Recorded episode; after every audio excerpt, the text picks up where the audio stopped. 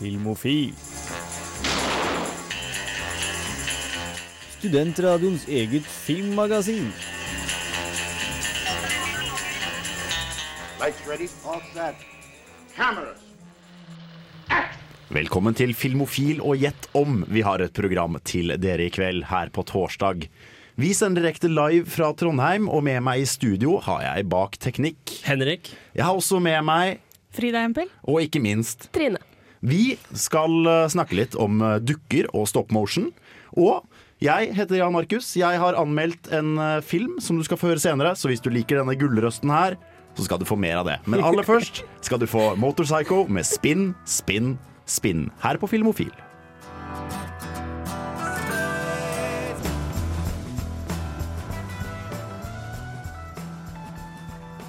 Her i Filmofil liker vi jo å prate om eh, ting vi har sett og opplevd og følt siden sist. Og Frida, la oss eh, starte med deg. Hva har du sett siden sist? Eh, faktisk ganske mye, for en gangs skyld. Eh, jeg har begynt eh, på Community på nytt. I stedet for å bare ta sånn 'Å, denne episoden liker jeg', å, denne episoden liker jeg. Så jeg har nå begynt fra starten og begynt å se meg opp. Gir det noe å se det helhetlig, i motsetning til å bare plukke Ja, favorittene? ja, ja, ja, ja, ja. Hvorfor det? Fordi du ser eh, veldig godt at de som skriver Community, har fulgt med på skuespillerne sine. Og når du vet hvor de skal, så tror jeg man ser det mye bedre.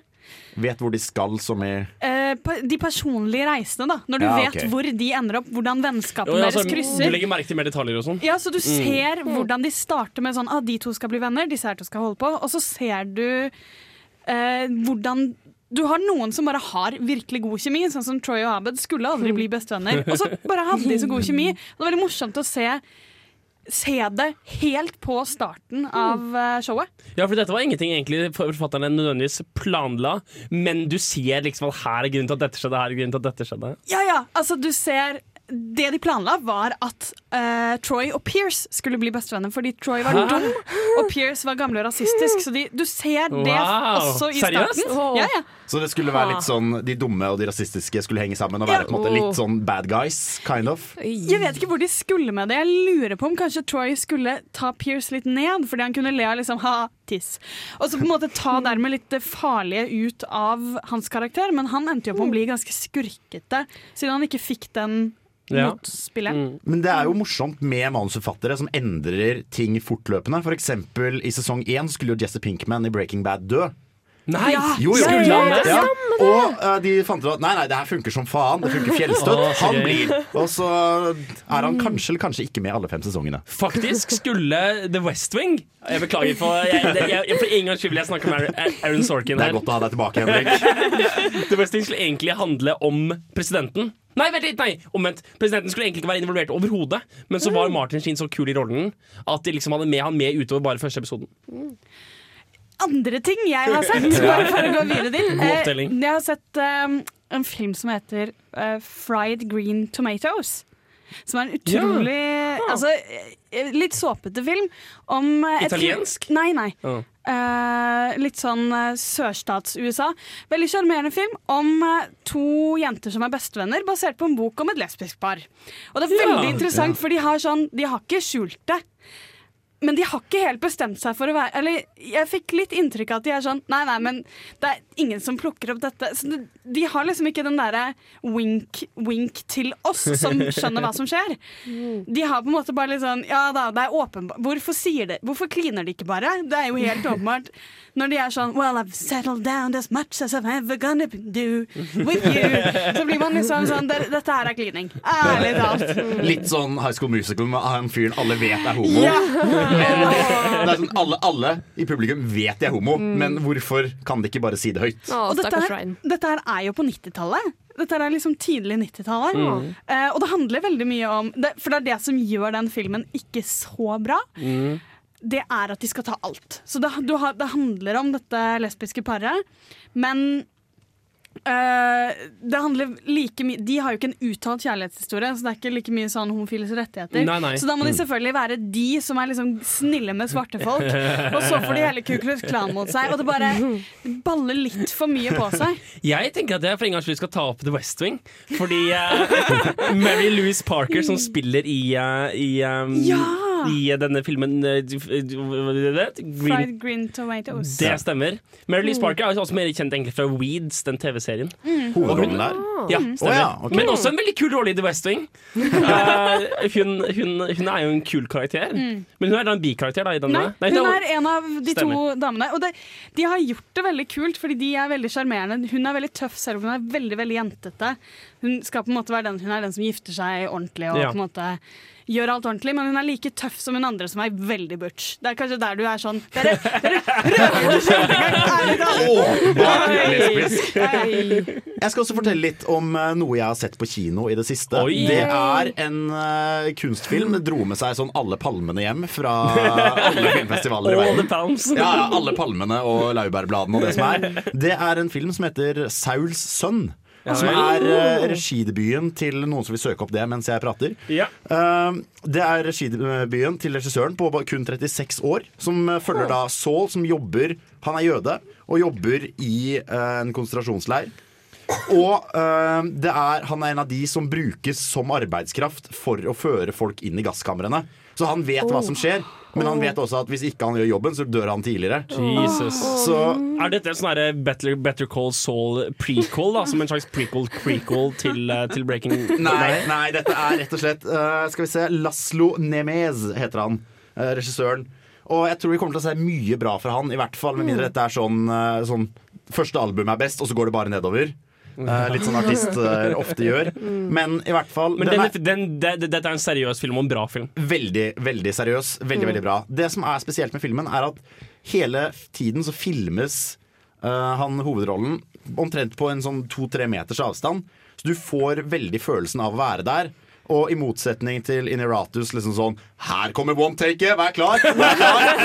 Bam, følg med nå! Det er så one take, og sjekk koreografien! Så, er det. så tenker du mye mindre over det. Det er noen one takes der som Jeg vet ikke hvor lenge det var, for jeg mista helt Jeg var helt Det er, inn, det eh, det er innlevelse. jeg var helt der. Jeg gikk ut av kinosalen og følte at jeg fortsatt var i filmen. Fordi det å gå gjennom en gang og se folk stå og prate, er sånn Wow! Det, det, jeg var virkelig, virkelig Wow. med. Og det som er så spesielt med det også, er at du filmer jo stort sett på trynet hans hele tiden. Og du ser da bare ting ut av fokus i bakgrunnen, så ser du noen dra en eh, naken rosa kropp. Kjøre det liksom opp på en tralle, inn i ovnen. Og det er på en måte Det er aldri utleverende. Men det er allikevel, ettersom du vet historien, så er det såpass jævlig. Hadde det vært en, eh, en eh, Hva skal jeg si En hva heter det, spillefilm, eller noe som ikke er basert på historiske hendelser, så hadde du trengt litt mer forklaring. Hva er det egentlig som skjer her? Jeg skjønner ingenting. Men de bruker den historien veldig godt. Men ettersom du vet hva Bir Auschwitz-Birkenau er, og historien rundt det, så kan du på en måte fylle inn tomrommene selv, og det gjør det, det gjør det helt jævlig. Det er rett og slett en av de hva skal jeg si, Det er en av de nye skolepensumfilmene. Fordi det er en knallsterk film. Og det er jo en grunn til at den vant Den vant Golden Globe for Best Foreign Film. Mm. Og den er også nominert til Best Foreign Film til Oscar.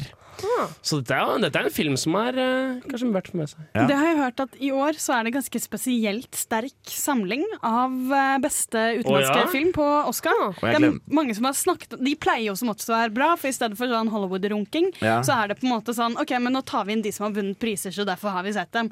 Så der har du som oftest ganske sterkt Ganske Mm. mye sterke filmer. Og i år har jeg hørt mye snakk om sånn som den her, at det er spesielt fantastisk. Ja, nei, men det er absolutt Jeg gleder meg veldig til eh, Oscarsendingen vi skal ha. eh, For den kommer garantert. Og da kan vi jo snakke litt mer om hva slags filmer som er eh, nominert for utenlandsk film. Men jeg vil egentlig bare konkludere med at hvis Den går ikke så ofte som Deadpool eller andre storslagere, men kom deg på kino og se Son of Soul. Det er virkelig, virkelig en god film. Nå skal du få Line of Sight med Acres Wild her på Filmofil.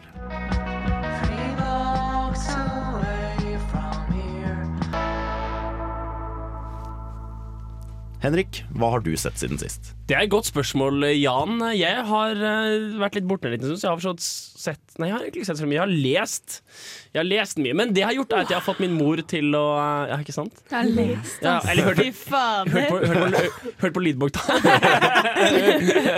vi er jo ikke så aktive her i Filmfil. Hvis man ikke kan bevege seg eller øynene, så er, er, det- er aktiviteten OK. Vi vil ha det servert. Hvis vil helst ha det servert, men lydbok eh, kan være utrolig praktisk. Og for min del føler jeg at jeg lever meg mer inn i litteraturen når jeg hører på det, for jeg er tvunget til å ta det i riktig hastighet. Men når jeg leser, så kan jeg finne på å skumme mellom biter jeg ikke er så interessert interessert i. Så man legger, jeg legger merke til flere detaljer når jeg hører på lydbok, og jeg kan sovne til. Nei, i hvert fall. Men sett noen filmer. Uh, filmer. Jeg har fått min mor til å like Louis C.K. sine standup-shows. Mm. For meg var det en liten seier, fordi jeg har digget Louis C.K. i årevis, og nå har jeg endelig fått henne til å gjøre det også. Så nå kan vi diskutere det. Jo, men det er så flott å kunne vise noen noe du er Ja. veldig glad i. Ja. For da får du oppleve Får du liksom oppleve det på nytt. Fordi i hvert fall ting som skal være morsomt. Det er derfor jeg har begynt på Community på nytt. Ja. Fordi når man ser den sammen med noen som da ler for første gang, så kan det være sånn Hæ? Ja. Ja, ja. Ja, Du måtte le litt fordi det er morsomt, og litt fordi du visste at det kom til å komme. Ja, ja. Det er ut utrolig fett. Eh, apropos morsomt, jeg har da eh, sett det er Horizon Pete, som er en ny Louis CK-TV-serie som han ga ut helt uten forvarsel eller noe slags ting. Man, Det kom en e-post bare 'Her, jeg har laget et TV-show, kom og se på det'. Og det er Han er Alan Olda fra MASH, og det er eh, Steve Buscemi fra jeg antar Reservoir Dogs. Ja, alt. Alt. Og det er på ingen måte en morsom serie. Nei. Det er omtrent ingenting morsomt ved det. Men- det er bare trist og kjipt og jævlig. Og det, er, det er som et teater med høytidelig samtale, og jeg syns det er kjempekult å se på, for Ja, det ok, er, det er vellaget. det, det hørtes veldig ut som du sa Det er ikke gøy i det hele tatt, det er dritt. Ja, nei, det er dritt, og det er kjipt, og det er mørkt, og det er jævlig. Men det er bra. Det er, hvis, du liker den, ja, hvis du liker de mørke delene av Louis i TV-serien, så kommer du til å digge Horizon Pete. Og du, kan få det for, eh, du kan få alle fire, eller fem episodene for sånn henholdsvis fem, tre, to og fire dollar eller sånn, rett fra nettsida hans. Ja. Så det er både en kul distribusjonseksempel og eh, noe verdt å se på hvis du liker litt mørke ting. Og sist, men ikke minst, jeg har sett Jermaine eh, Clement, han Jermaine fra Flight of Concords, som har laget filmen What We Do In The Shadows, den, den der eh, vampyrfilmen vi pratet om her, Ja. her da- om dagen. Uh, han har laget en, en film som heter People Places Things. Hva handler den om? Handler om en uh, kis i 40-åra som tegner tegneserier og har slått opp med kona og prøver å ta vare på barna sine og prøver å ta vare på livet sitt. Eller å finne noe Litt sånn midtlivskrise. Ja, ja, perfekt midtlivskrisefilm. Og den, den, var, den var koselig nok, den. liksom Det kan du se hvis du ikke har noe bedre. Trine, har du vært og sett noe? Jeg vet jo at du har vært og sett noe, for vi var på kino sammen. Ja, vi var jo det. Vi var så Deadpool. Ja, Det var god stemning. Ja, det, det var, jeg har sett Deadpool to ganger over den siste uka. Tror. Jo, ja, jo, jeg har sett den. Så jeg, jeg antar at du liker filmen? Ja! den er veldig bra. Det er liksom min type humor, og jeg er litt glad i Deadpool. Og det var sånn ah! ja, den var bra. Ja, jeg elsker den. Var jo Vi fikk jo med oss størsteparten av eh, Filmofil og Jens Erik Våler for å gå og se den her. Eh, Bortsett fra at Hans sovna litt, så tror jeg alle likte filmen. Jeg har sett litt annet òg, da. Ja, Jeg har satt meg ned og så Ten Things I Hate About You igjen. Ja! Jeg elsker den filmen. Jeg Klassiker! så. Den! Virkelig en filmofilfavoritt. Oh, Åh, den er så herlig, og Heat Ledger er så mm. Ja, men det er så rart at den bare funker, for den har liksom så mye av de tingene sånne filmer Klisjé. Altså, klisjé, Ja, det er klisjéfullt. Ja, men her så er det sånn Og det er gøy! Istedenfor sånn, åh, Jesus. For den, den har på en måte hva skal jeg si, Den balan liksom danser mellom salatbollene som den kan tråkke i. Men eh, den, den liksom bare hopper unna og bare klarer det. Og når den tråkker, igjen, inn, tråkker nedi, så gjør den det med sånn entusiast og Ja. sjekk denne salatbollen, da! okay, Kan jeg nevne én- film Kjør på. Sånn? Jeg så John Tucker Must Die igjen for sånn femte gang. Hva var det for noe igjen? Eh, det er en sånn sær film. eh, Det er en high school-film med en gutt, heter, en gutt som heter John Tucker. Han dater tre jenter samtidig. De finner ut av det. De eh, møter på en sånn anonym ny student, og hun da skal um, Han ender opp med å slå opp med de tre jentene, og da skal de få hun nye til å få han til å forelske seg i henne og ydmyke den helt. Og dette La er meg- film du har sett fem ganger? La meg gjette. Hun nye anonyme, og så finner de kjærligheten eller noe. Nei. Ikke spoil, da! Ikke spoil, da, Markus! Nei, jeg bare jeg hjelper. Jeg har ikke sett den. Jeg har ikke sett den. Nei, men eh, du, du liker den? Jeg vet ikke, det, er sånn, det er sånn skikkelig guilty pleasure-film, for den er ikke bra. Den er, den er dritdårlig, men det er åh. Det er veldig morsomt at du nevner den, for jeg har uh, mine to videregående venninner så den liksom hver gang man ikke kom på noe annet. Så var de sånn Skal vi se John Tucker Must Die, eller? Ja, ja. Det, det er noe å se menn i uh, thongs. Jeg så den aldri, men OK. Men, Så litt sånn Det krever ikke for mye av deg. Nei, herregud. Koselig liten uh, guilty pleasure. Ja. Og hvis du liker koselige små guilty pleasures, så kan du bare fortsette å høre på Filmofil. Men først skal du få Young Girls av Death by Unga Bunga her på Radio Revolt.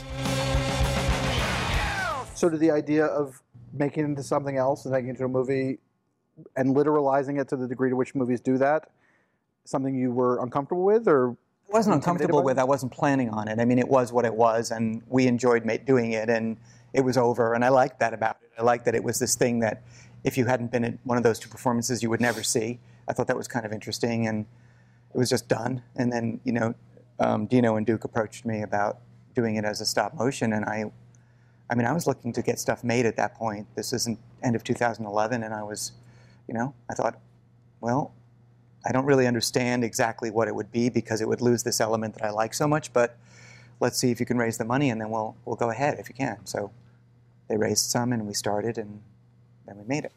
Det var et intervju med Charlie Kaufman, hvor han ble spurt om eh, prosessen bak å lage den nyeste filmen hans, 'Anomalisa', Som du har vært og sett. som jeg har sett. Eh, Det er en dukkefilm eh, i stop motion-format, altså ikke som Team America med liksom, tråder og marionettedukker, men rett og slett hvor de da har animert dukkene ved å bevege dem veldig, veldig sakte og én rute av gangen.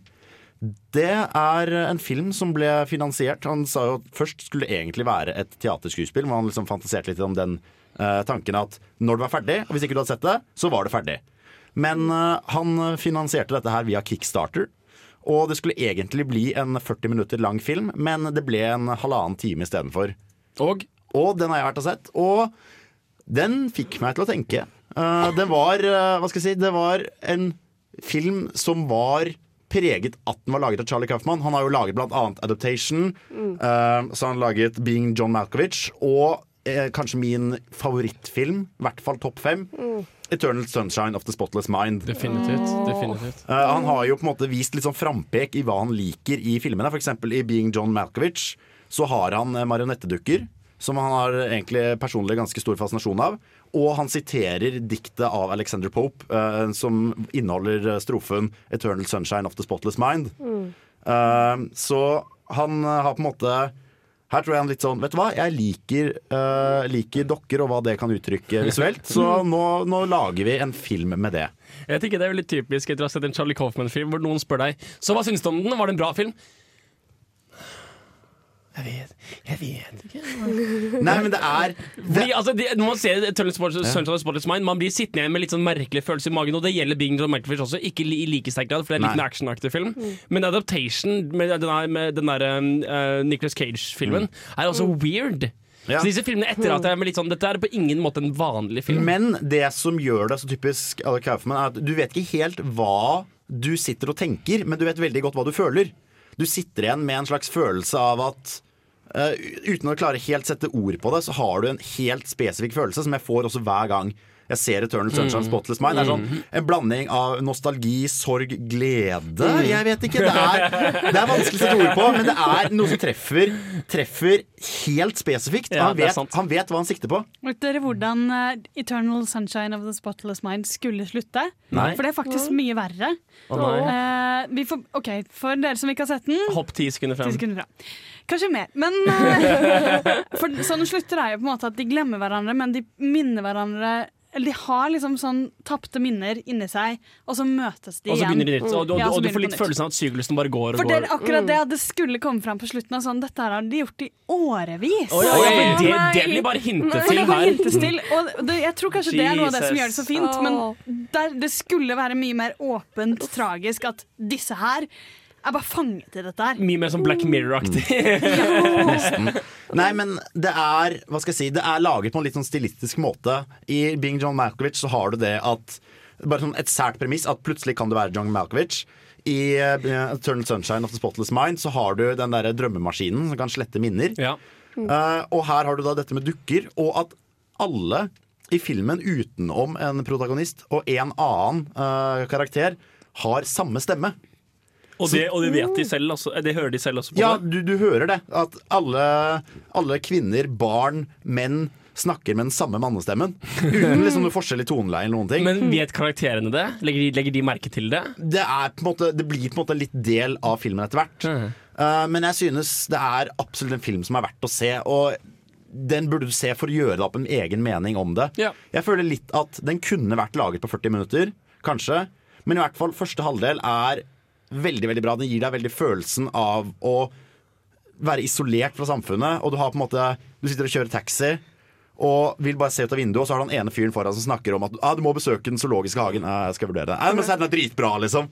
Og bare det å sitte at og tenke at jeg klarer ikke helt å relatere meg til de menneskene rundt meg, er den følelsen som sitter veldig godt igjen etter å ha sett denne filmen. Jeg lurer på om Anomalisa fortsatt går på Cinemateket. For eh, folk som er interessert i det. Mm. Og jeg kan jo også friste med at det er eh, den første dukkefilmen som har fått R-rating i USA. Oi! Fordi, ja, ja, fordi det er, det er seksuelt eksplisitte scener der. Jeg trodde kanskje at uh, Team America også hadde fått det, for den har en også ganske seksuelt eksplisitt scene. Ja, men jeg tror der var det, der var det ikke seriøst nok. Nei. At det var litt sånn yolo, det er dukker uansett. Nå må Lisa gå på Cinemateket frem til søndag. Vil absolutt anbefale Frem til det. søndag 28. februar, da, for de som ikke hører på live. Så hvis du er der ute nå, ta og bestill billett med en gang. Det er en film som er verdt å se. Nå skal vi få høre Paralysen med døden her på Filmofil. Og så skal du få nyheter og anmeldelse av Zootropia. Filmofil gir deg nyhender fra filmen og fjernsynets i spanende vær. Ekstra, ekstra. Her vi har vår lille paperboy med oss. Eller papergirl. Trine, Ja. hva er siste nytt i filmverdenen? Det er masse, masse masse rart. Jeg måtte grave litt ekstra for å finne noe i dag, men det får nå bare gå. Uh, Zombieland 2 skjer Ja. tydeligvis. Yes. Med originalcasten. Ja, på. Jesse Eisenberg og hva faen de heter. Uh, Emma Stone vent, og Woody Harroldson. Harrelson. Nei, jeg tror ikke mm, mm, Jeg er ikke sikker. Okay. mm. Det står liksom bare at det skjer. Det skjer Det skjer Zombieland 2. enda, det skjer enda til Sony. Ingen vet Ja, okay. helt om de liksom- For, fordi den filmen her føler jeg at bæres veldig på at det er originalkarakterene. For de prøvde å lage en serie med Ja, uten originalkarakterene, og den var Jeg har ikke sett den, men jeg har hørt den er ganske drit. Altså, det som er fint, er at det er samme regissøren. Ja, det, er, det er han der Ruben Fleischer. Ikke at han har gjort så sykt mye annet bra. Da, så vi, eh, hva er det han har gjort? Han har, han har gjort Gangster Squad, var det noen som så den?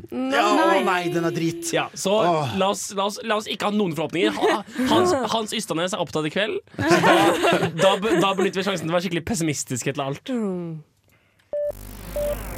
Uh, det er Emmy snart. Eller det blir Emmy etter hvert. En Emmy kommer til å skje. En Emmy kommer til å se. Og um, det er mulig at Jimmy Kimmel skal være host for Ja vel, er det første, er det første gang? Han, han har hosta litt sånn, de har sett ting før. Han slår meg som en sånn generisk host-type. Ja, han litt, er sånn, en generisk host-type. han, litt sånn litt uh, familievennlig, ja, akkurat si passe morsom. kan, noen som kan finne ut om han har vært. Da er det bare å ringe inn til Filmofil på uh, jeg, jeg, Ring inn, og ring inn og si til oss. jeg kunne sverget sverge det var en telefon her. Ja. sånn 2014 så var det en telefon her. Vi har også Ja, vindu, så du kan sende røyksignaler Ja, over samfunnet. Eller brevdue til det gule bygget over over eller bare samfunnet. stå, stå utenfor vinduet med, fra Love Actually. Stå med Ja, og mal, mal puppen din med informasjon. Og så er det bare å flashe oss etter hvert som det kommer nye Hvilken Love Actually er det du har sett? Rau på. Ja. Dette forklarer så mye, fordi han, er, han Liam Neeson var ikke med i Nei, OK, greit. Jimmy Kimmel har hostet eh, 2012 igjen Ja. mine. Ah, ok. 2012. Jeg Der har vi det. Yes. Men da skal han muligens hoste igjen i år. Yay. Um, Ready Player One har um, han, uh, Steven Spielberg har casta han som skal spille uh, Wade One? Watts. Ja, hvem da? Det, det, det, det er Player One, det stemmer.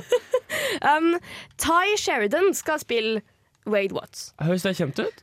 Uh, han har spilt i Mud med, Med Anne. Matthew McConaughey. med Matthew McConaughey. Det er Ja. Matthew McConaughey. Ja, ja, det er starten på hans uh, Ja. McConaissance. Han spilte også i The Tree of Life, for de som så den. Oi! Han skal også spille i X-Men Apocalypse som eh, Young Cyclops. Som, som vi er kjempeskeptiske til.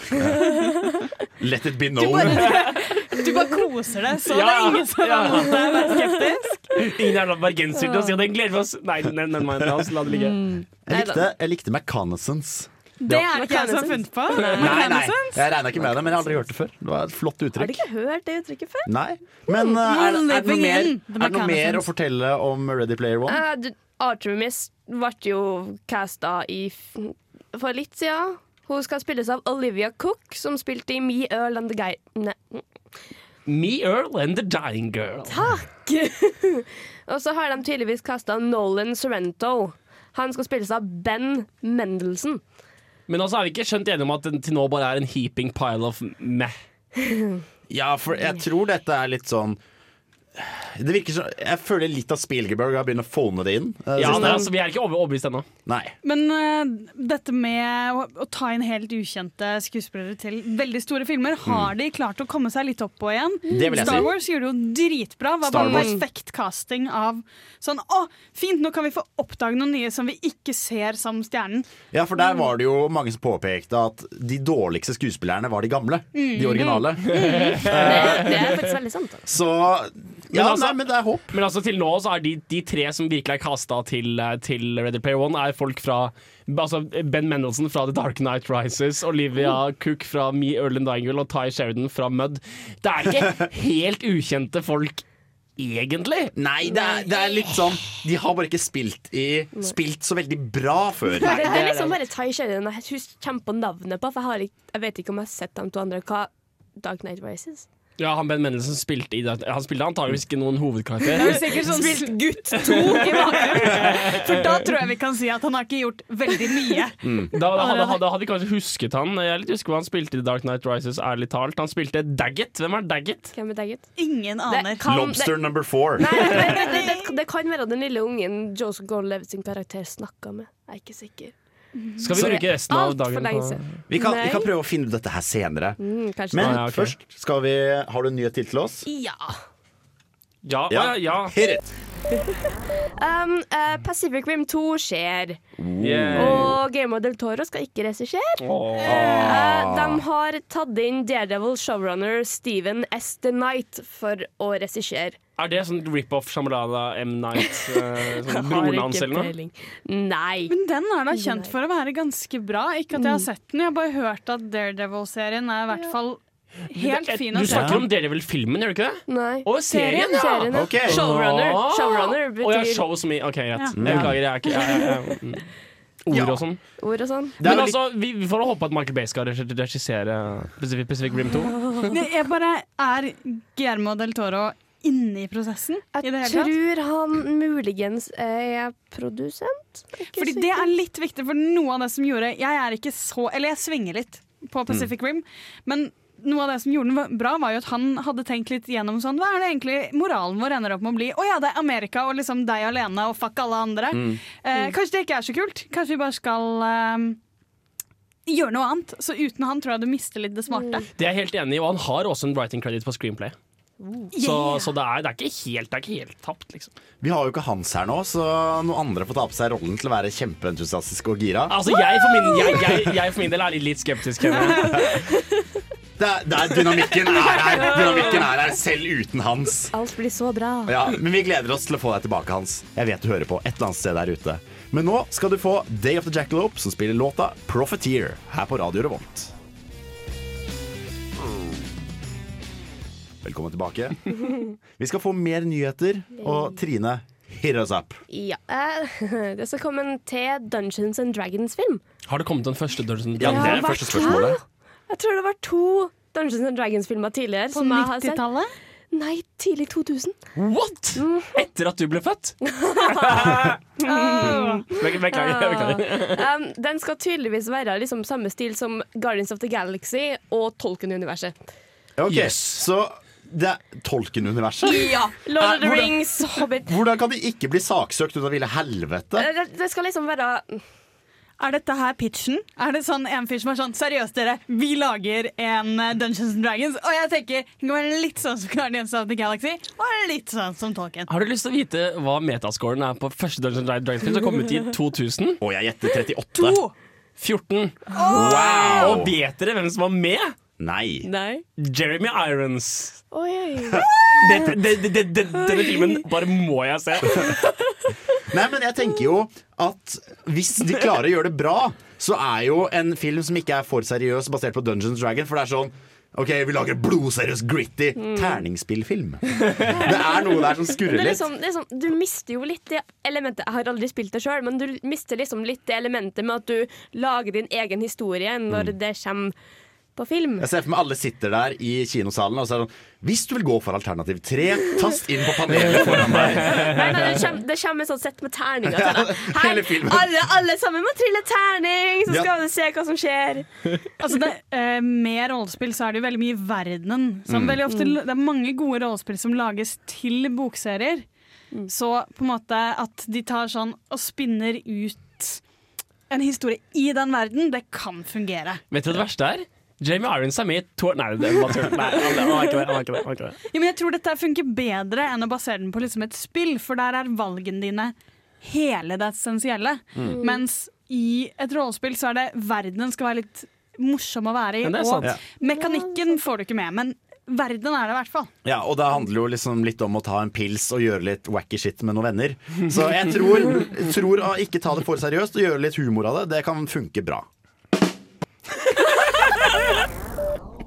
Du er on point på teknikken. her, OK, Trine. Neste nyhet. Um, vi har fått litt mer informasjon om um, hvilken rolle Martin Freeman skal spille i Captain America Civil War. Ja! Han Jeg visste ikke han skulle spille. Nei. Nyheter for deg! Nå vet du det. um, han skal spille en karakter som heter Everett Ross. Hvem er det? Um, vet du hva? Jeg vet ikke. Det er en tegneseriekarakter i Marvel som tydeligvis har litt med en karakter som heter Black Panther å gjøre. Black Panther får sin egen film i 2017. Fordi selvfølgelig får han det. Fordi selvfølgelig får han det, så det er muligens at han kommer tilbake da for den filmen. Men han er på um, Gud a meg, hva sier var han på igjen da? Jeg husker ikke. Jeg lurer på om han Oi, vent litt, det er meg Det er meg som lager lyd. Beklager. Jeg er ikke så spesielt profesjonell i denne, i den, dette Nei, du her. har, eh, har litt å gå på. Eh, det, er, det er nettsider som har autoavspilling. mm, Herlig. Nei, men det er sånn vi får, vi, får, vi får se hva som skjer, og så får vi se om kanskje Benedict Cumberbatch og Martin Freeman møtes igjen i Marvel-universet. En kjapp en sånn helt på tampen. Eh, mm, Guardians of the Galaxy har fått nye eh, cast. Uh, casting. Oi! Casting, casting, casting. apropos Guardians of the Galaxy, som vi nettopp pratet om. Ja. Hey. Um, Kurt Russell skal være med. Uh, Jøss! gøy. Uten Quentin Tarantino. Jeg visste ikke at han gikk ut av huset sitt uten Quentin Tarantino. Se for meg han ringer Tarantino. Du, kan jeg tørke meg bak? Nei, nei, nei, nei. Du må gå inn i rollen som skitten cowboy. Så, det- så det er mange som tror at han skal spille da faren til Starlord. Ja, men det kan funke skikkelig bra. Chris Pratt. Eh, For, se for meg som han litt sånn neglisjerende farsfigur. Mm. det er liksom Det er Kurt Russell som har kommet med. Det er Pom Clementieff. Han, ja. Han, ja. Fra Oldboy. Eh, Elisabeth Debicki fra The Great Gatsby. Og Chris Sullivan fra en film som heter The Nick. The Nick. The Nick er en Det er en TV-serie med, med Clive Owen som er ganske I bra. don't know. Nei, men eh, jeg tror, jeg tror kanskje det er håp. Det var, Jeg- den jeg- første var jo morsom. Jeg kan, jeg kan styre min glede, kjenner jeg. Plottet var jo så som så, men jeg føler at humoren, den var, den var der. Er vi klare til å ja, Og det er det det betyr, ja. Ja, det er det det betyr. Det betyr at nå får du Kakk Madafakka med Young You.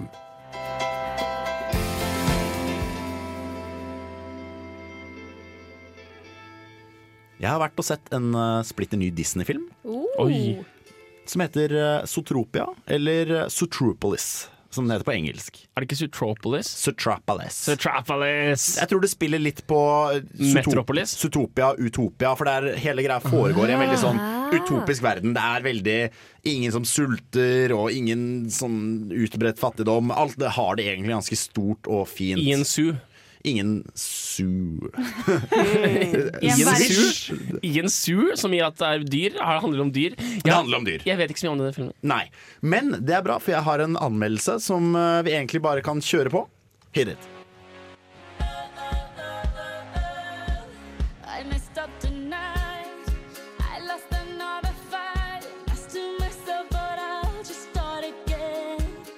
Zootropolis er den siste i en rekke av dataanimerte filmer fra Disney. Noe som kan sies å ha blitt normen fremfor de klassiske håndtegnede animasjonsfilmene. Vi følger kaninen Judy Hopps i jakten på sin drøm om å bli politi, og det i et miljø preget av fordommer og utfordringer fra de andre andromorfe dyrene i filmen. Sammen med den slu svindlerreven Nick Wilde prøver hun å lykkes i storbyen Zootropolis og å komme til bunns i en rekke mystiske kidnappingssaker. Number two, there are some new recruits with us I should introduce, but I'm not going to because I don't care. Sotropolis gjør ingen store gjennombrudd eller filmatiske nyvinninger, men holder seg stort sett på trygg grunn. Og det fungerer greit. Filmen er godt regissert, vakkert animert og byr på akkurat nok dybde og alvor til at plottet blir engasjerende.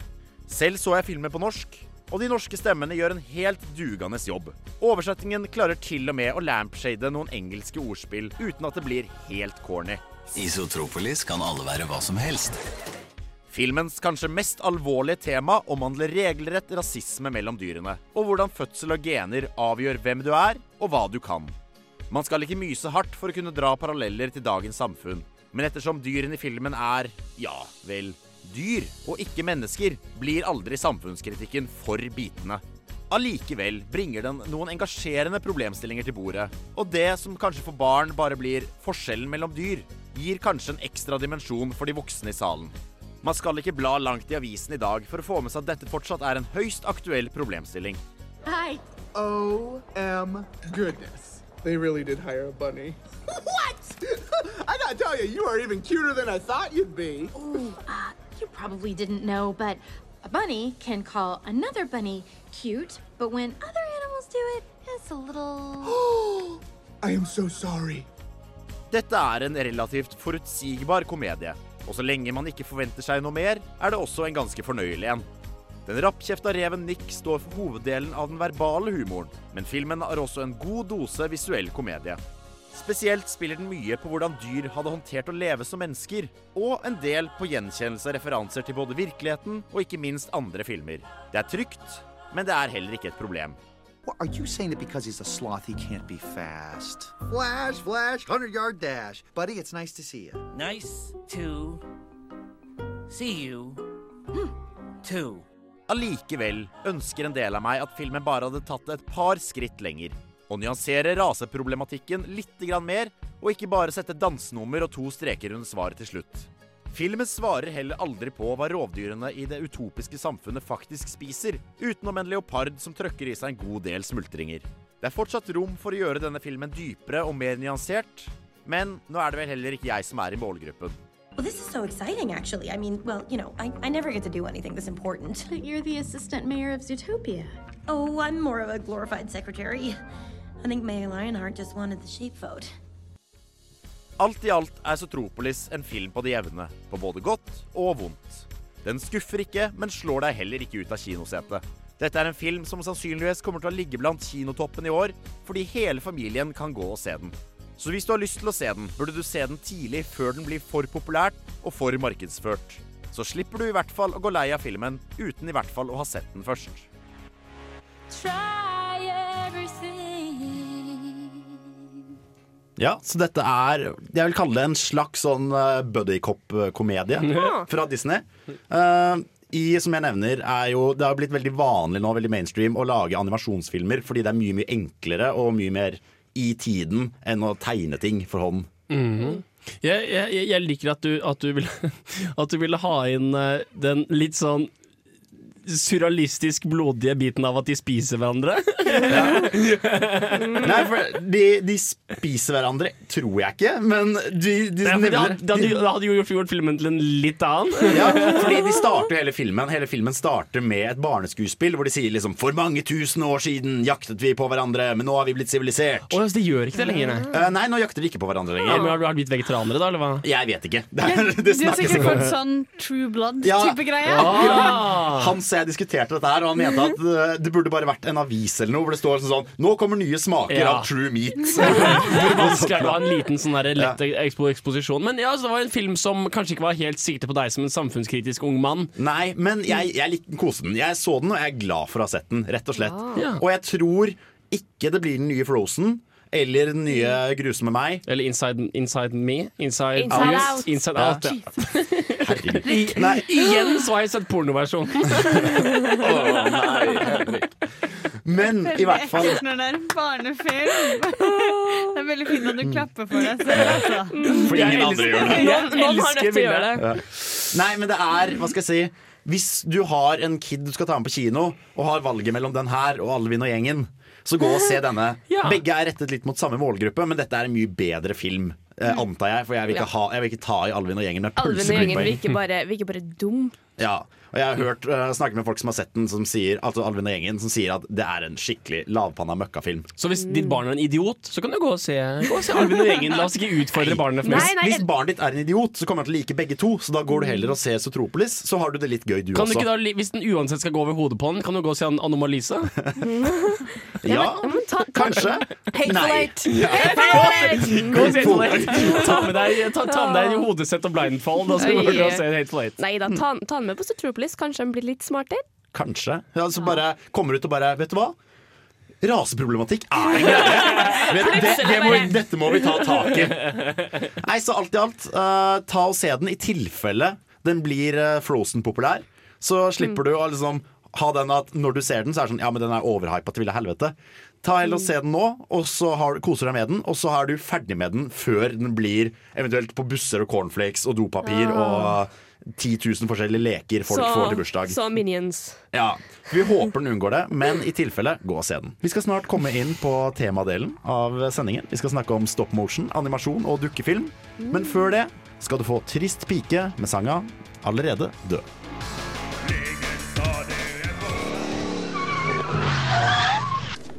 My calculations are correct. When this baby hits 88 miles per hour, you're gonna see some serious shit. Du hører på Filmofil på Radio Revolt. What did I tell you? 88 miles per hour!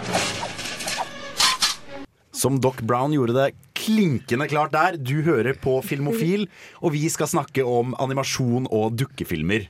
Yay! Da-da-da-da.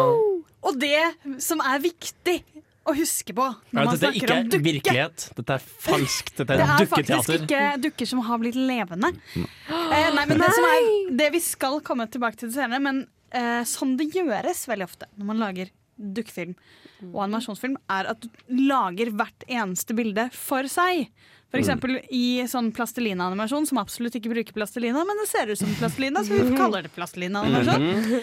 Eh, så på en måte flytter de litt på hånda en sånn Mm. liten millimeter, og så tar de bildet. Liten millimeter til.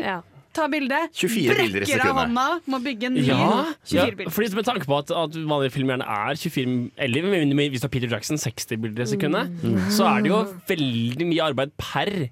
Mm. Gud hjelpe meg, per bilde. Så halvannen time med sånn stop motion dukkefilm. Det er mye arbeid, altså. Jeg har jo faktisk first hand experience fra dette her. Jeg Nei. gikk på animasjonskurs i sjette klasse og lagde, lagde Jurassic Park eh, 4, den glemte kortfilmen. Altså Nå- før Jurassic World kom ut. Nå har vi disset Frida for dansk, dansk filmskole. Men han i- var tydeligere. Du har vært med i denne her i sjette klasse! Ja, ja, det. Dere skal se den filmen en gang, for den er gjennomført i ræva. Men den er fantastisk morsom, hvertfall hvert fall for meg. Men i hvert fall, du snakker her om at de tar 24 bilder i sekundet. Mm. Og det er jo en ekstremt tidkrevende prosess. Mm. Blant annet så tror jeg han som lagde den nyeste Flåklypa-filmen, sa at vi er fornøyd hvis vi får til tre sekunder om dagen. Å, herregud. Å, herregud. Jo, men eh, Jeg så et intervju med han eh, godeste som lager Wallace and Gromit, som vi skal komme tilbake Ja. til. Mhm. Eh, og han snakket også om det sånn derre bruker lang tid på å få dem til å si toast, så jeg prøver liksom å skrive ut så mye som mulig av uh, dialogen. For det er mye morsommere å liksom løfte på et øyenbryn enn å være sånn Åh, hvordan er det en O ser ut igjen? OK, én kinn. Og og det er det som er vi skal komme tilbake til det også, men det er noe veldig spesielt med det. Akkurat som med håndtegning. Det der at det tar så fuckings lang Mm. tid. Så de Mm. sitter der liksom Ja, nei, nå brakk vi en av, da må vi liksom bruke en uke på å bygge opp den igjen. Det er noe veldig, veldig sånn ekte ved de filmene. Mm. Og det er, du kan ikke lage en stop motion-film og si Vet du hva, fuck it yolo, vi slenger noe sammen og putter det på kino. Nei. Det, det er sånn, ok, Da planlegger vi dette her i to år, så bruker vi to år på å animere det og ett år på å klippe. Ja. Gode gutta, nå kjører vi. Og så må du ha voice actors også. Da tar det enda lengre tid. Ja, og så må du liksom matche dem. Så jeg Ja. tror egentlig det vi kan si her, er at vi er alle sammen utrolig imponert Og glad, og glad, og glad for at vi ikke driver med stop motion. Det er vi også. Ja. Mest, Eller egentlig. ikke, ikke driver med stop motion lenger. Som en veteran i feltet. Og samtidig har de jo den andre Vi har begrenset oss til nå to deler av animasjon. For nå har vi denne hvor du har livløse dukker. Eh, som du liksom beveger litt på. Men så har du jo en ting som er dukkefilm. At du spiller på en måte et type marionettsystem. Som gjøres i eh, Team America, World Police. Eh, og mest kjent her hjemme, skaperen av vår hjemmeleksefilm. Ivo Caprinos dukkefilmer. Mm. Så har du også et oh. sånn dukketeater. Askeladden-filmene, liksom. Askeladden, Mm. Flåklypa. Ja, det er mye eventyr. Eh, Karius og Baktus. Alle de der er jo gjort Marionette. med Ja, sant det. de, Men de er jo. Jeg har faktisk fun fact om det, og det Ja. fordi det var veldig lenge så prøvde folk å finne ut hvordan er det han har gjort det. Fordi du har ikke disse trådene som går opp i været. De, på en måte, hvordan de beveger hodet. Mm. Jeg, nå prøvde jeg å vise hvordan de beveger hodet, Ja. men det høres jo ikke gjennom radioen. Folk har sett Ivo Crapino-filmer, de vet Mm. hvordan de nikker og dukker. Disse karakteristiske, hvordan ansiktet hvordan beveger seg, hvordan Mm. de, de går og sånn, er jo en type teknikk som Ivo Caprino fant på. Som man lenge var sånn Hvordan er det han gjør det? Å, herregud! Og folk prøvde å finne det ut og spørre han, og han var sånn Nei, jeg vil ikke si det. Og så, etter sånn 20 år med dette her, så var det noen som fant ut at han hadde hatt patent på det. Og da må du levere inn tegningen din. Åh, okay. Så dette er store mysteriet. Kunne man finne ut hele tiden. Og hva var svaret, da? Din Ja. tis. Ja, nei, du får spørre patentkontoen. Åh, du hadde meg på kroken! Har vi en låt eller noe? Har vi en låt eller noe? Jeg må, jeg, jeg, jeg må gå en tur. La vi, Frida, i likhet med Frida, skal vi holde deg der hjemme på kroken. Vi skal snakke om Flåklypa, alles nostalgi Hva skal jeg si, nostalgikonsentrat. Men før det skal du få Cosmic Boogie Tribe med Habaneros her på Filmofil.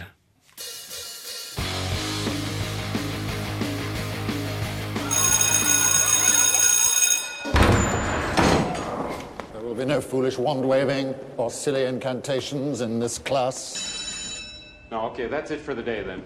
Today, we have a similar debate over this. Anyone know what this is, class? Anyone? Anyone?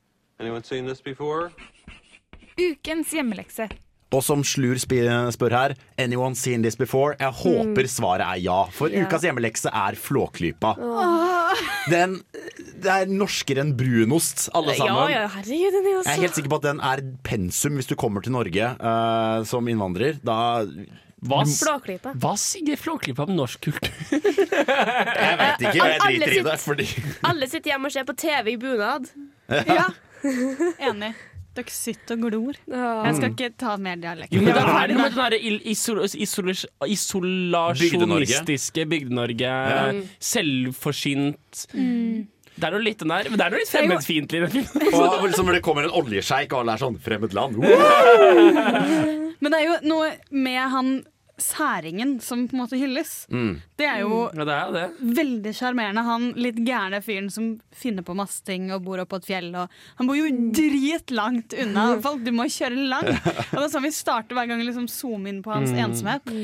Og altså, denne kjente melodien som muligens dukker opp eh, Kanskje. etter hvert, eh, er jo også en veldig sånn ensom sak. Mm. Og det, hele greia slutter jo egentlig med at de vinner litt penger, og så fortsetter de som før. Ja. Og Spoilers, da. Ja, hvis ikke, hvis ikke har sett Flåklypa ennå. null respekt! Null respekt hvis ikke du har sett. Eh, jeg har aldri hatt et så nært forhold til Ikke Flåklypa. heller. Før, før jeg så det på oh, ja. Samfunnet Før jeg så det på storskjerm i Samfunnet.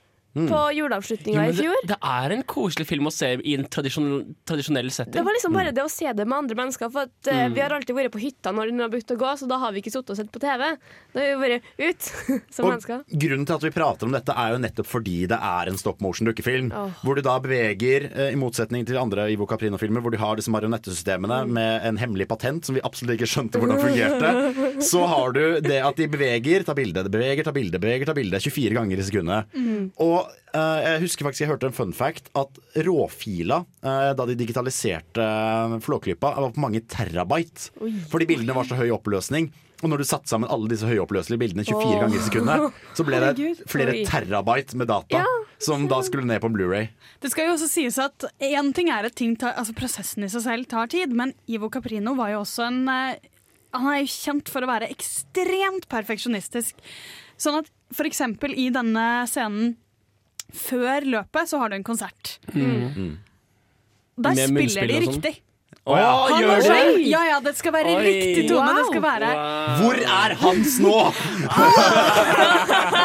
Jo, men altså, det legger jo på en måte den før... Jeg tror kanskje det som er veldig du, det syns i filmen det at han var en litt sånn type. For sånn som bilen Det er en liksom kjærlighet til teknisk, Mm. en teknisk raring. Ja. Og da er det jo bra at den er la, laget av en fyr med litt sånn kjærlighet for tekniske løsninger. At den er laget av en te te teknisk raring. Mm. Og denne filmen, denne hva skal jeg si, denne perlen som aldri kommer til å forvitre med tiden, den har også en veldig, veldig kjent sang.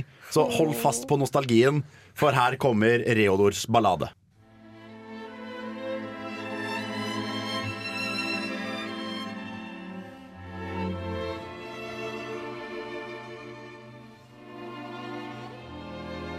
Litt sånn spesielt. Jeg tror ikke det er noe du har hørt om, egentlig. Test meg ut, da. Ok. Filmofil. Faen, mann, det er jo en klassiker. Satan, har du hørt det? Jeg skal ha hørt om det. Vi skal fortsette å snakke om dette temaet vi er dypt inne i allerede. Dukkefilm, stop motion og animasjon. Og all slags animasjon som verken er tegnefilm eller dataanimasjon. Og det er jo en slags ektehet ved det hele. Ja, altså Det er jo som du sier, det er ikke dataanimasjon. Mm. Og jeg lurer alltid på når folk på en måte snakker om at det er viktig, i hvert fall når skapere er sånn vi har, ikke lyst, vi har lyst til å gjøre det fysisk. Det samme har de jo med spesialeffekter. Så er det veldig sånn og I denne filmen så brukte vi veldig mye fysiske effekter, vi lagde ikke så mye data. Og alle klapper. Og alle, alle, blir, alle blir så fornøyde av det, og jeg lurer på er det bare snobberi? Eller er det på en måte Jeg jeg vil jo trekke frem en film som ser ut som den er stop motion, men ikke er det. er jo Lego-filmen, blant annet. Mm. 100% dataanimert, men det ser ut som de faktisk har gjort hele prosessen med stop motion. Mm. Og er det noe ekstra ved det uh, å faktisk gjøre det på ordentlig? For det krever jo en del mer arbeid og Uh, en litt mer sånn, hva skal jeg si, uh, klassisk tilnærming til filmmediet. Altså, jeg, jeg har en følelse av at det er mye nostalgi, men det gir filmen et veldig ekstra lag. At man vet at det ligger et håndverk bak. Mm. Og på en måte Vi har det jo med å anse ting gjort på data som ikke er håndverk på samme måten. Sånn at det føles viktig at det er autentisk. Ja, På den annen side så er det jo en eller annen stakkars inder med altfor lav lønn som har fått outsourca disse praktiske eller digitale effektene. Mm. Som han må sitte og animere uh, frame by frame. Men det er jo Har vi kommet til det tidspunktet hvor dataanimasjon begynner å bli så bra at i en dukkefilm som er eh, animert scene for scene, så kan man på en måte egentlig lage det på en datamaskin, og du vil ikke tape noe av kvaliteten i prosessen? Nei, for jeg tror ikke det handler om kvalitet lenger. Det handler om at vi vil. Mm. Litt som at for Hvis du er ny i Disney, så får du uh, som sånn internship Så skal du sitte og male på glassplater i to år før du får lov til å animere. Oi, oi, oi. Bare fordi faen heller vi gjorde det, da skal dere også. Jo, men også det med at du forstår hvor Mm. dagens på en måte ting kommer fra. Grunnen til at vi animerer på denne måten, er fordi det var sånn man måtte tegne det. Og da får du på en måte en, du, du, en slags ivaretagelse av den tradisjonen. da Og det skal sies at disse filmene vi snakker om, har en veldig trad tradisjonelt preg. Spesielt når Ivar Caprimo driver og lager Askeladden og sånn, som er liksom Mm. filmatiseringer av, av folkeeventyr vi har i Norge. Så du, du kan vel kanskje si at det tapper det tapper av en viss måte, kulturell kran. Eller altså at man får, man får på en måte med en del sånn Mm. følelser sånn når man ser den, når man kjenner igjen den filmmåten. da Mm. Og eh, en annen ting, et annet lag, er jo sånn som eh, Team America. Så har de jo på en måte brukt det at det dukker som skalkeskjul for å være litt drøye. Ja. Sånn som De har jo, som vi nevnte tidligere, en sånn- ganske kjent sexscene. Der hvor det er Ja. liksom De drar den veldig langt. Sånn, De tisser på Ja. hverandre og de bæsjer på hverandre. Det er på en måte, og det var greit, fordi det var spøken var sånn Men dette bare dukker. Ja, det er litt sånn South Park-faktor. Ja. Og jeg tror også, eh, blant annet, så ble det brukt veldig bevisst i Anomalisa, den filmen jeg så. For der har du det at Å ja, nei, men det er en dukkefilm. Men måten de er animert på, og måten de oppfører seg på, er så utrolig menneskelig. Det føles mer menneskelig enn veldig mye jeg har sett på film. Og da får du på en måte den distansen at OK, men hva er Du tenker OK, det er en dukkefilm, men hvorfor føles det så menneskelig? Så begynner du tenke, veldig å tenke på dette med OK, hva er det som gjør at et menneske oppleves som et menneske? For her sitter jeg, her sitter jeg og føler at denne dukken er mer menneskelig enn veldig mye jeg har sett i Hollywood i det siste. Og der har de jo denne teorien med The Uncanny Valley, som jeg ikke kan oversette. Men du har en sånn teori Den skumle dalen. Jo, men det, det var en som så det at hvis du jobber med Uh, du, Eller han jobber med roboter, så burde du heller framheve uh, ting som Altså gjøre de ikke så veldig menneskelige. Mm. For da kommer vi, hvis de ikke ligner veldig, så fokuserer vi på de trekkene som gjør dem menneskelige. Oh, ja. Og så sympatiserer vi. Mm. Og så gjør dem likere og likere og likere mennesker. Og så kommer det plutselig en dal der de blir for like, men ikke helt. Ikke like nok. Og det er da, da får man en sånn uh. Og det er jo tidlige eksempler fra det også. Eh, Pixar har jo gitt ut en sånn samle-DVD med veldig mye kortfilmer. Ja. Og de spede Mm. begynnelsene. Og der har de en, en av de første filmene Så har de en baby som er animert til å se veldig ekte ut. Og det er, ser jo det, er det mest der. creepy Ja, ja. jeg har sett i hele mitt liv. Den derre robot-zombie-babyen som kommer bortover. Eh, eh, eh. Og det er sånn, nei, nei, nei, nei. Så etter det så ser du på en måte at de har gått helt andre veien. Vet du okay? Men da tar vi det helt bort og gjør dem til tegneseriefigurer. Dataanimert tegneseriefigurer. Fordi det er så mye mer komfortabelt og på en måte ekte å se på. Og altså, Pixar er jo me mestre på det. Logoen deres er jo en lampe. Mm. Og det er jo Vi føler så med den fuckings lampen der den kommer hoppende. Sånn, Og sånn. I feel you, man. Jeg lurer på, Vi har pratet veldig mye om immersion og sånn her i Filmofil, og vi snakker om ektehet nå. Um, jeg lurer på, Jo mer en film fjerner seg fra din egen virkelighet, jo mer klarer du å leve deg inn i filmens virkelighet? På en måte, kanskje. Det kan jo være litt det at du tilgir ting som vanligvis ville tatt deg ut. Mm. Hvor du tenker at ok, dette er en helt ekte, det er spillefilm med mennesker, og så skjer det et eller annet som ikke kunne skjedd i den virkelige verden. Ja, ja for det, det vil sånn Ja. være fremmedgjørende. Men jeg, men jeg tenker Ja. hvis det er en dukkefilm som er helt innlevende, og som ikke har noen grad av fremmedgjøring, egentlig, Og det så kan du, lede deg helt inn, i- nei, kan, kan du lede deg helt inn i den verdenen, liksom. Og hvis det skjer noe rart der, så tenker du ikke at oi, dette tok meg ut. Du tenker at Nei, det er- er en det er del av Ja, denne verden. det er også et poeng. dette er sånn som skjer her. Det er helt naturlig. For der har du jo også Quentin Tarantino sin, sine verdener er jo ekstremt voldelige. Ja. Så det, du, du har det enklere å leve deg inn i den, for det er ikke det samme som du går igjennom. Ja, det, det, er- det, er- det er også, også et godt poeng. At det, det, det at det er såpass ekstremt, det at det er såpass exploitation-aktig, gjør at det fjerner deg veldig fra din realitet. Ja. Altså, du vil jo aldri tåle Karius Baktus live action spillefilm. Nei, nei. Var det ikke en sånn film? Nei! Reisen, reisen, til, reisen, til, reisen til Galesteinen? Ja, men den var jo, funket jo ikke helt heller. Nei, den, sånn, vi den glemt filmen husker jeg som sykt creepy, bortsett fra at hun jenta var litt søt.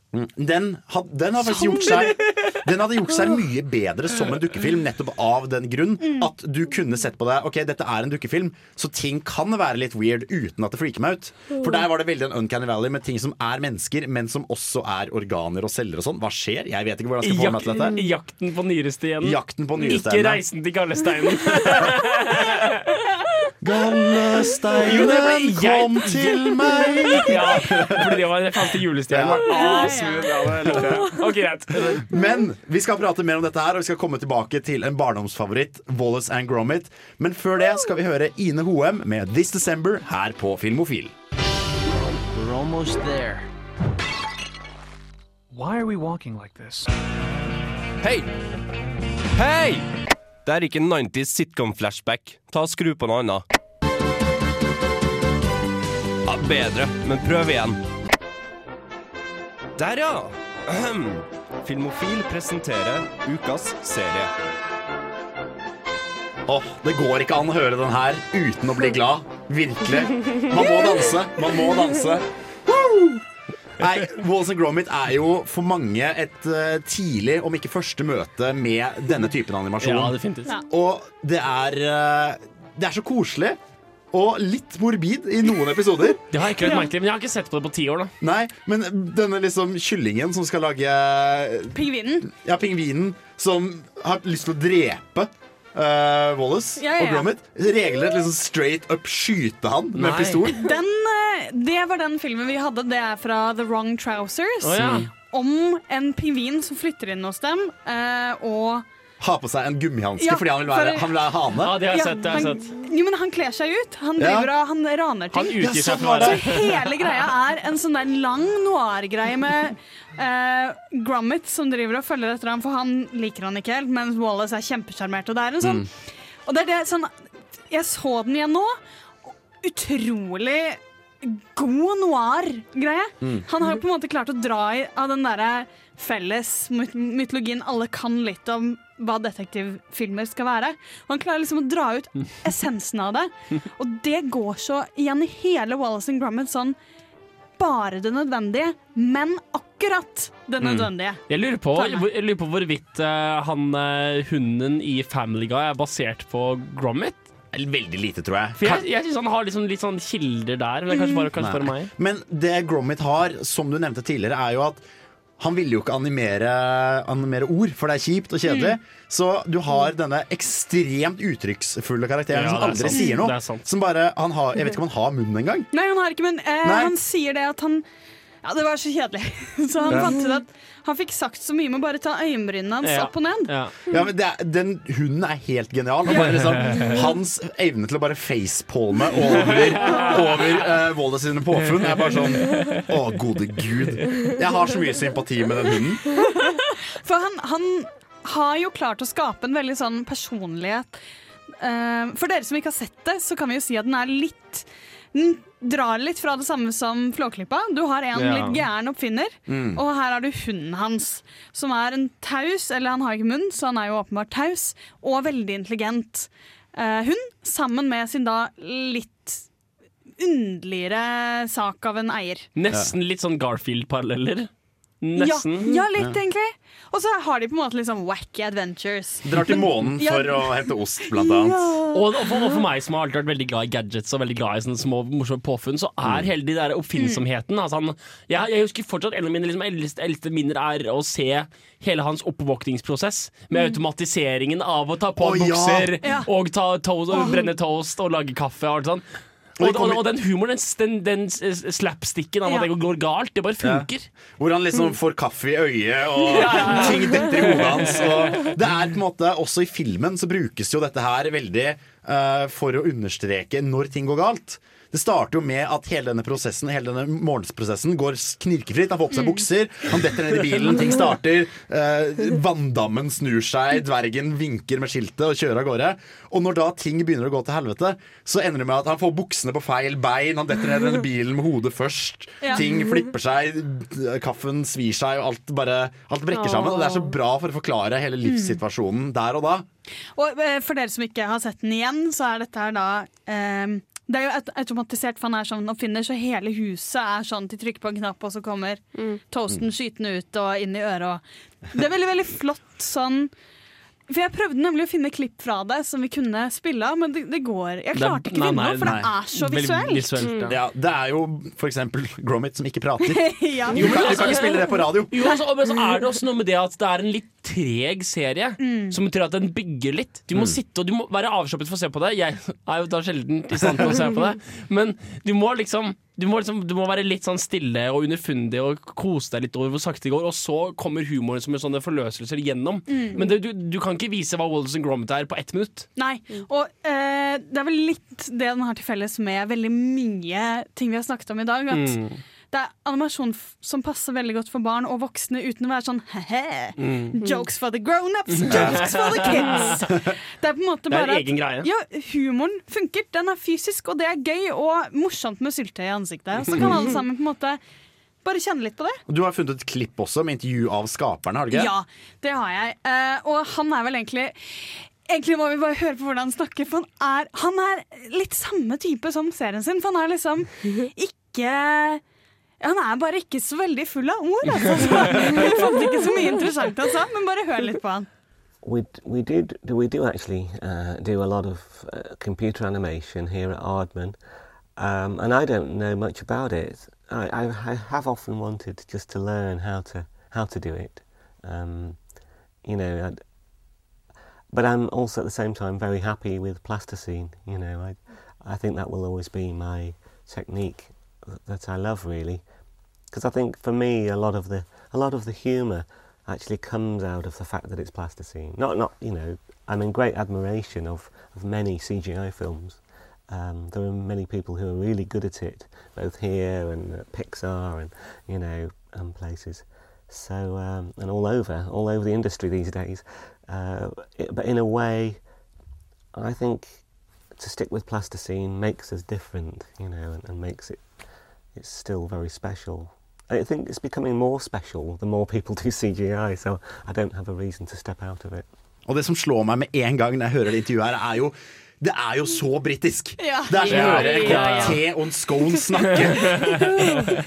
Men han er så mild, for dette spørsmålet er jo liksom ja, Føler du på en måte at eh, computeranimasjon trykker ut plastelina, og du på en måte forventer en sånn Ja! Og vi er den ekte kusen! Men han er liksom sånn Nei, nei, jeg beundrer dem så mye. Bare en veldig mild fyr, og du kan på en måte se for deg Jeg kjenner faktisk um, Faren til en venninne av meg gikk på samme skole som han. Og det var en sånn skole som ikke sendte ut folk. Du ble der så lenge du ville. Du måtte bare liksom betale skolepenger. Og han ble der i syv år for å finne det ut. Eller for å liksom skape hele konseptet sitt. Og det tror jeg man trenger, for som du sier, det er veldig saktegående. Mm. Og jeg tror han er litt saktegående, og jeg tror på en måte bare en sånn der, Fanget veldig essensen av en person. Bare gi det tid til å modne seg, rett og slett. På samme måte som han, når han kisen her snakket eh, Jeg fikk litt følelsen av at han var litt sånn livsglad og underfundig på samme måte som serien hans er det. Mm. Og på en måte nyte de enkle gledene med liksom cheddar og te. Og samtidig som du har denne helt sinnssyke verden som pågår rundt deg, og bare nyter hvert øyeblikk av det.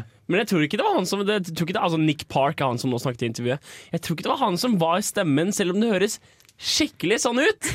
Jeg lurer på om det er en annen kis, de bare Ja, jeg tror det er litt uh, ulikt. For, for han har litt Ja, OK, jeg skal ikke prøve å beskrive følelsen. Uh, Han er litt annerledes. Ja. I hvert fall. I hvert fall. Wallace and Gromit, jeg ikke, Hvis du ikke har sett det, så må du teste ut. Hvilken film er det dere refererer til? The Wrong Trousers? Er det en, Nei. en spillefilm? The Wrong? Trousers er en kortfilm. I Eh, likhet med fordi- veldig mange av disse andre For det er ingen TV-serie. serieepisodene. Vi har egentlig tullet. Ja. Det er en serie med kortfilmer eh, som da har The Wrong Trousers og så Admission to the Moon. Mm, og den Altså- hvor de kidnapper sauene. Ja, for det, er- det, det, det er fire 30 minutes films, det er one feature film, det er one six part TV series og ten two minute shorts. Og en Ja. BBC Prom special. Og den lange spillefilmen er jo da uh, forban Varulvkaninens forbannelse. Den så jeg på kino. The og- Curse of the. Ja, du hva? For den er, den er på en måte også sånn De har på en måte lagt til litt mer spenning, men det er da en varekanin. Ja. Så ikke så mye. Nei.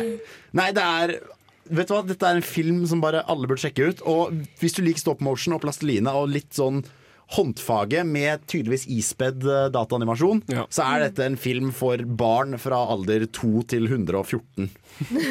Vi skal få I Thought You Were The Future Would I Thought the Future Would Be Cooler med Yacht. Dette er da Rytmeklubben Remix, og du hører på Filmofil på Radio Revolt.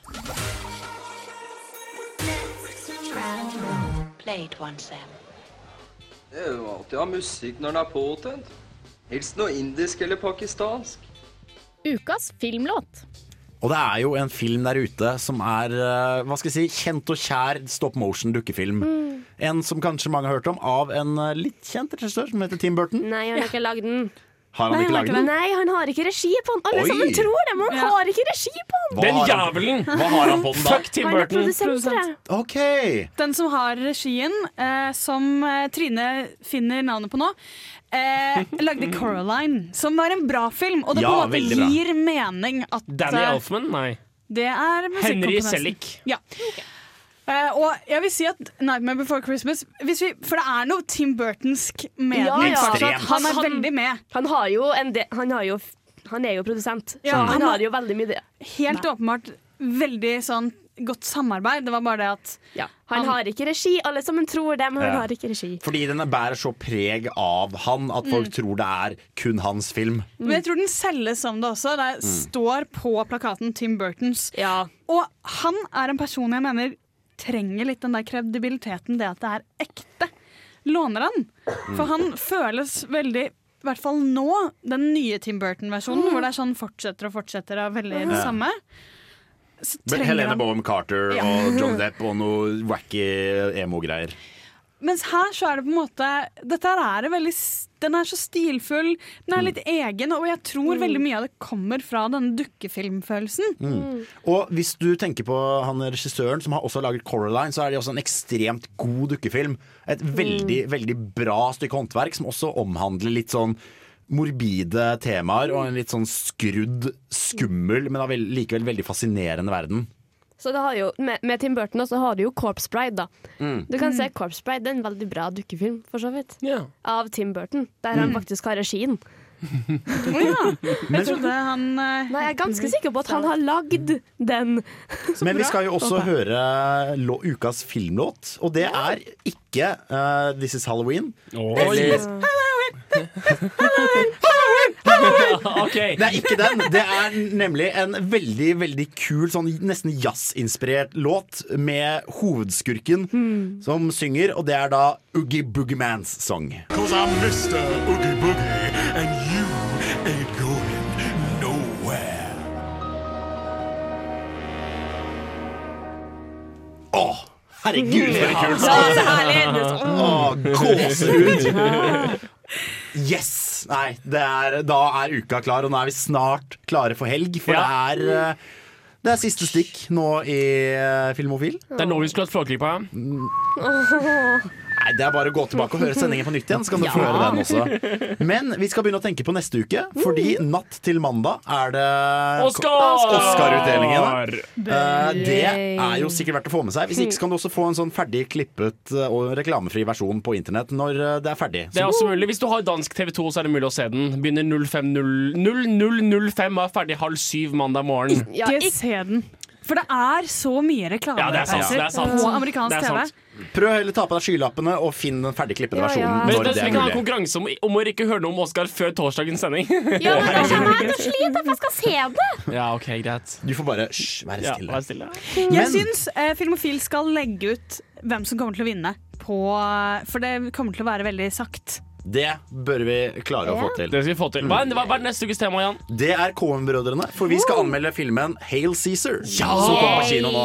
Og ukas hjemmelekse er da The Big Lebowski. Selvfølgelig. Selvfølgelig. Fordi kultfilm Den må, er den, må, den må man ha sett. Jeg har vært Jan Markus Johansen. Med meg har jeg hatt Henrik Ilen Ringel, Frida Sven Eppel. Frida Sven Takk for oss. Ha det bra. Håper du har kost deg.